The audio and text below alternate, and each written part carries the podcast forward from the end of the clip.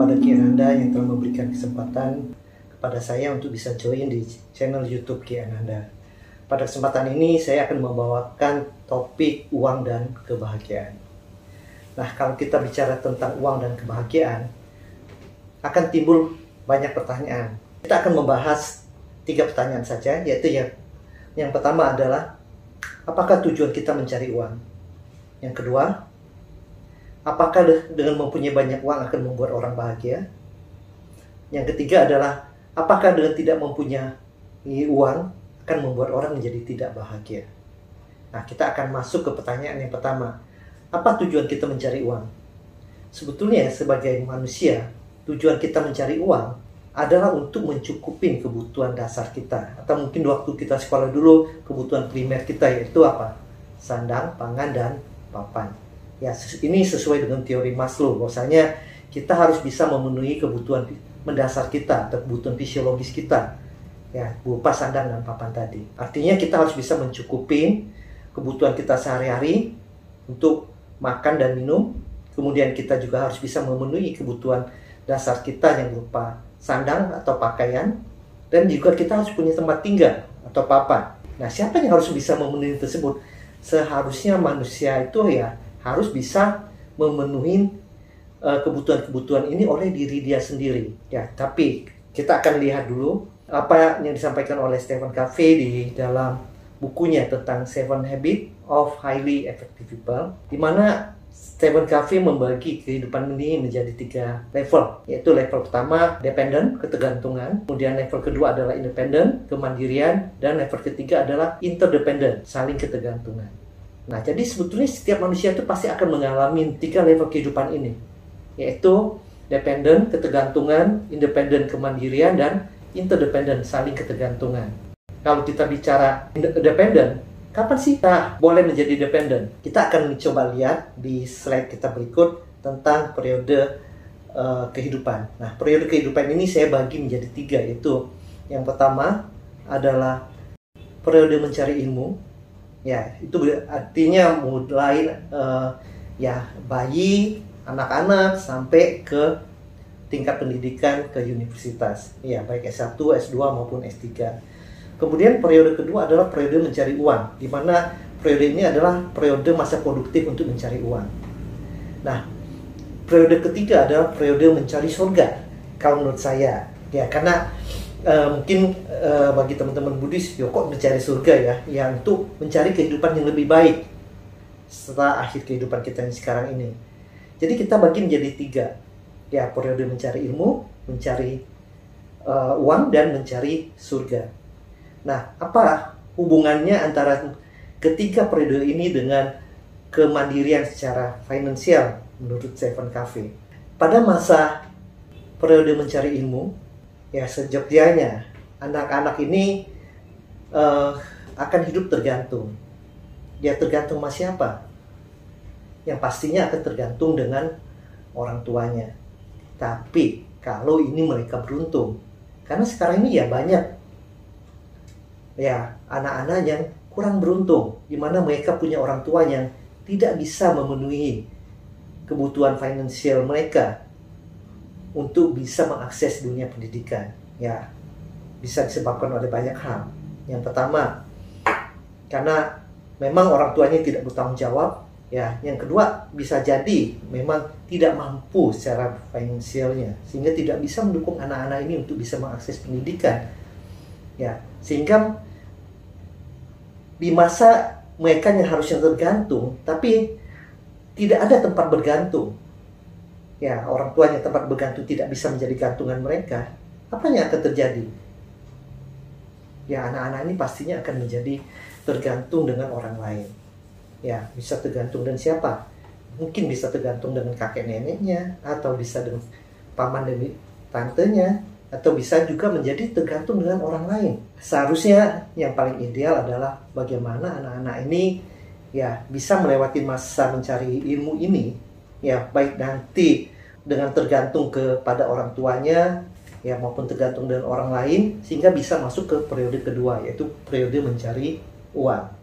Nah, di mana untuk periode mencari uang ini seharusnya mereka sudah bisa mempraktekkan uh, knowledge yang mereka dapat di bangku pendidikan, ya baik dari pendidikan uh, SD sampai ke universitas dan bagi, uh, mungkin juga sebagian kecil skill yang mereka dapatkan di dunia pendidikan untuk mereka, bisa mereka implementasikan di dalam kehidupan sehari-hari untuk mencari uang. Karena kenapa? Tadi sepertinya di saya sampaikan, menurut Stephen Covey bahwasanya hidup ini ya kita harus punya kemandirian secara finansial. Karena kalau kita tidak bisa mandiri secara finansial, artinya kita akan ada di level ketergantungan, ya dependent. Kita akan bergantung kepada siapa?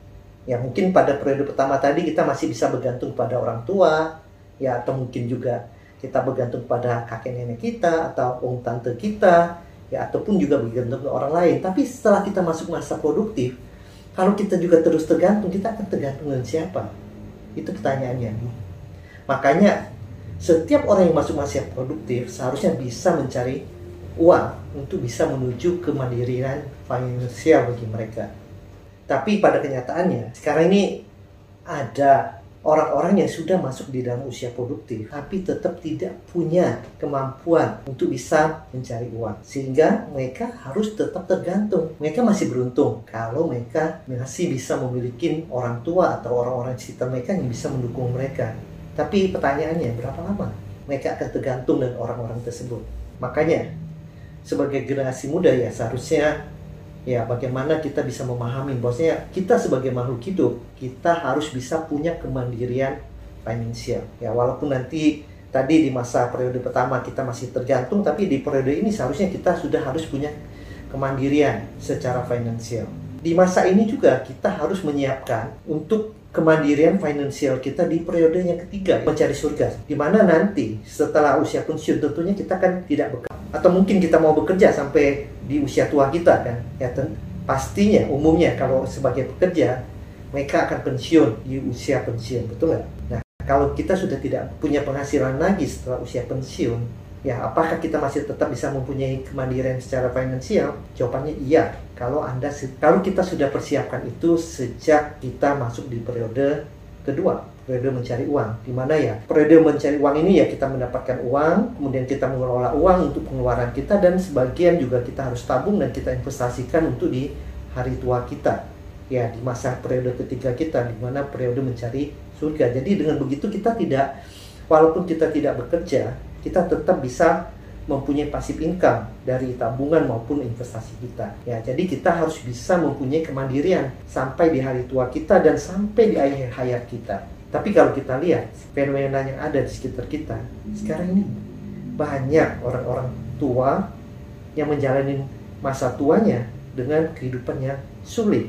Baik uh, sulit secara mental, di mana mereka tidak bisa menerima uh, masa tuanya, yang di mana biasanya gagal, jarang sakit, menjadi loyo, lesu, kemudian jadi ya sering sakit, ya maupun secara finansial. Karena di masa tua ini kalau mereka tidak mempersiapkannya dengan baik di masa muda mereka, yang terjadi apa? Mereka tidak punya kemandirian secara finansial. Artinya kenapa? Ya mereka akan masuk kembali ke ketergantungan.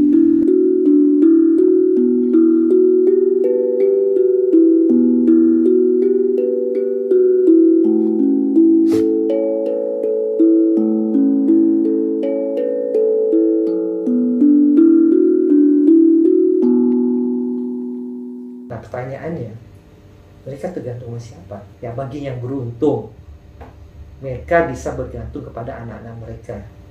Tapi dengan catatan ya kalau anak-anak mereka juga punya kemandirian finansial dan punya rasa bakti terhadap orang tua. Ya tapi kalau sebaliknya yang terjadi anak-anak mereka pun tidak punya kemandirian secara finansial ya apa yang akan digantung nih? Ya pastinya kan nggak memungkinkan. Atau alternatif uh, pilihan yang lain yaitu anak mereka mandiri secara finansial tapi tidak punya rasa bakti kepada orang tua sehingga tidak bisa menyokong orang tua di hari tuanya. Maka akan susahlah orang tua tersebut di mana mereka tidak punya kemandirian secara finansial tapi tidak ada tempat bergantung. Kalau anak tidak bisa menjadi gantungan pada siapa lagi yang akan menjadi gantungan? Ya masih beruntung kalau mereka masih bisa bergantung kepada warga ya keluarga ini dalam hal ini mungkin bisa adiknya atau kakaknya kan gitu. Tapi kalau kita berharap bergantung ke orang tua, ya apa mungkin orang tua punya umur sepanjang itu dan punya kemandirian finansial. Ya tentunya akan coba bergantung kepada saudaranya, ya baik adik ataupun kakaknya.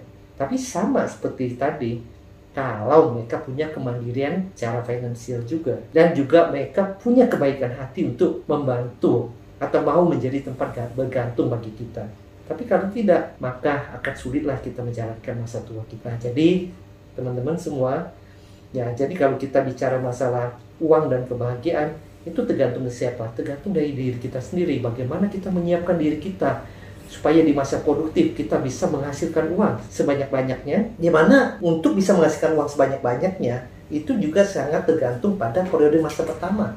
Ya, bagaimana kita bisa menyiapkan diri kita di masa mencari ilmu ini dengan mencari ilmu sebanyak mungkin dan juga melatih skill sebanyak mungkin sehingga kita akan bisa punya skill yang bisa menjadi nilai jual kita untuk bisa mencari keuangan uang dan dalam mencapai kemandirian finansial kita dan juga untuk menyiapkan masa tua kita supaya kita tetap bisa mandiri secara finansial sampai di hari tua kita. Apa hubungannya uang dan kebahagiaan? hubungannya saya uh, kita akan melihat slide saya berikut yaitu korelasi uh, saya membuat matrik hubungan antara ya kemandirian finansial atau kekayaan dan kebahagiaan ya di mana saya membagi matrik ini menjadi empat yaitu kuadran pertama orang yang tidak punya kemandirian secara finansial tapi juga tidak bahagia nah orang siapa saja yang ada di kuadran yang pertama ini yang ada di kuadran pertama ini adalah orang-orang yang tidak bisa memenuhi kebutuhan hidupnya sehari-hari dan tidak ada tempat bergantung, tidak ada yang menjadi gantungan. Sehingga akan susah lah hidup mereka kan. Jadi walaupun memang uang bukan segala-galanya, tapi segala-galanya butuh uang. Jadi dengan tidak ada uang dan tidak bisa memenuhi kebutuhan dasarnya akan menderitalah orang tersebut. Kemudian kuadran kedua, siapa yang masuk di kuadran kedua? Kuadran kedua bisa jadi orang yang tidak bisa tidak bisa memenuhi kebutuhan dasarnya, tapi ya dia masih punya tempat bergantung. Ya seperti mungkin orang tuanya, kakek neneknya ataupun saudaranya, ya ataupun juga keluarga besarnya yang lain yang bisa menjadi tempat gantungannya. Jadi walaupun tidak punya kemandirian secara finansial, tapi dia mungkin masih tetap bisa bahagia. Ya, tapi pertanyaannya seberapa lama dia akan tetap bahagia. Ya, berapa lama orang akan tetap bisa menjadi gantungan bagi mereka. Nah, kemudian di kuadran ketiga kalau kita lihat adalah orang ini mandiri secara keuangan, secara finansial. Ya, artinya bisa mempunyai kekayaan tapi tidak bahagia. Kenapa? Karena walaupun dia punya materi, ini kemandirian secara finansial, dia punya kekayaan, tapi dia tidak mempunyai pengertian yang baik tentang materi atau kekayaan itu sendiri sehingga menimbulkan keserakaan dan kemelekatan. Nah, keserakaan dan kemelekatan ini yang menyebabkan walaupun dia mempunyai finansialnya cukup, yang banyak, punya kekayaan, tapi hidupnya tetap akan menderita. Karena kenapa? Dia serakah, sudah punya sebesar X, dia ingin lebih dari X. Sehingga mencari uang terus, sehingga ya nggak akan pernah habisnya. Atau kemelekatan, melekat dengan kekayaan hingga pada suatu saat kekayaan itu berkurang ataupun hilang, ya akan hilanglah kebahagiaan mereka. Timbullah penderitaan. Nah, tapi kalau kita mengerti dengan benar bahwasanya ya makna uang itu adalah tujuannya untuk memenuhi kebutuhan dasar kita, kemudian ya kalaupun bisa lebih menjadi uh, kemandirian kita secara finansial dan kita bisa menjadi punya kelebihan punya menjadi kekayaan kita ya seharusnya itu yang harus kita gunakan bagaimana kita bisa membahagiakan diri kita dan membahagiakan juga mungkin ya di komunitas kita ya bisa membantu orang-orang yang mungkin kurang beruntung dan mungkin kita bisa merasakan kebahagiaan bagaimana untuk bisa membantu orang lain. Yang seharusnya kita tuju baik adalah kuadran keempat. Bagaimana kita bisa bahagia dengan memiliki kemandirian secara finansial dan kekayaan, tapi kita juga bisa bahagia.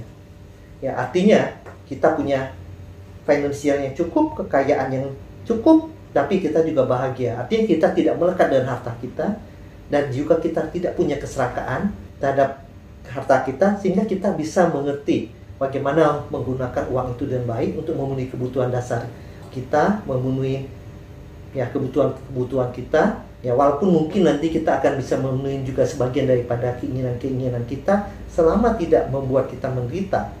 Itu boleh-boleh aja. Ya, jadi di mana pun kuadran Anda, di kuadran satu, dua, atau tiga, Anda harus berusaha untuk bisa mencapai di kuadran keempat. Terima kasih teman-teman semua. Mudah-mudahan semua teman bisa mencapai kuadran keempat, yaitu punya uang dan bahagia. Terima kasih. Namo Sang Hyang Adi Budaya.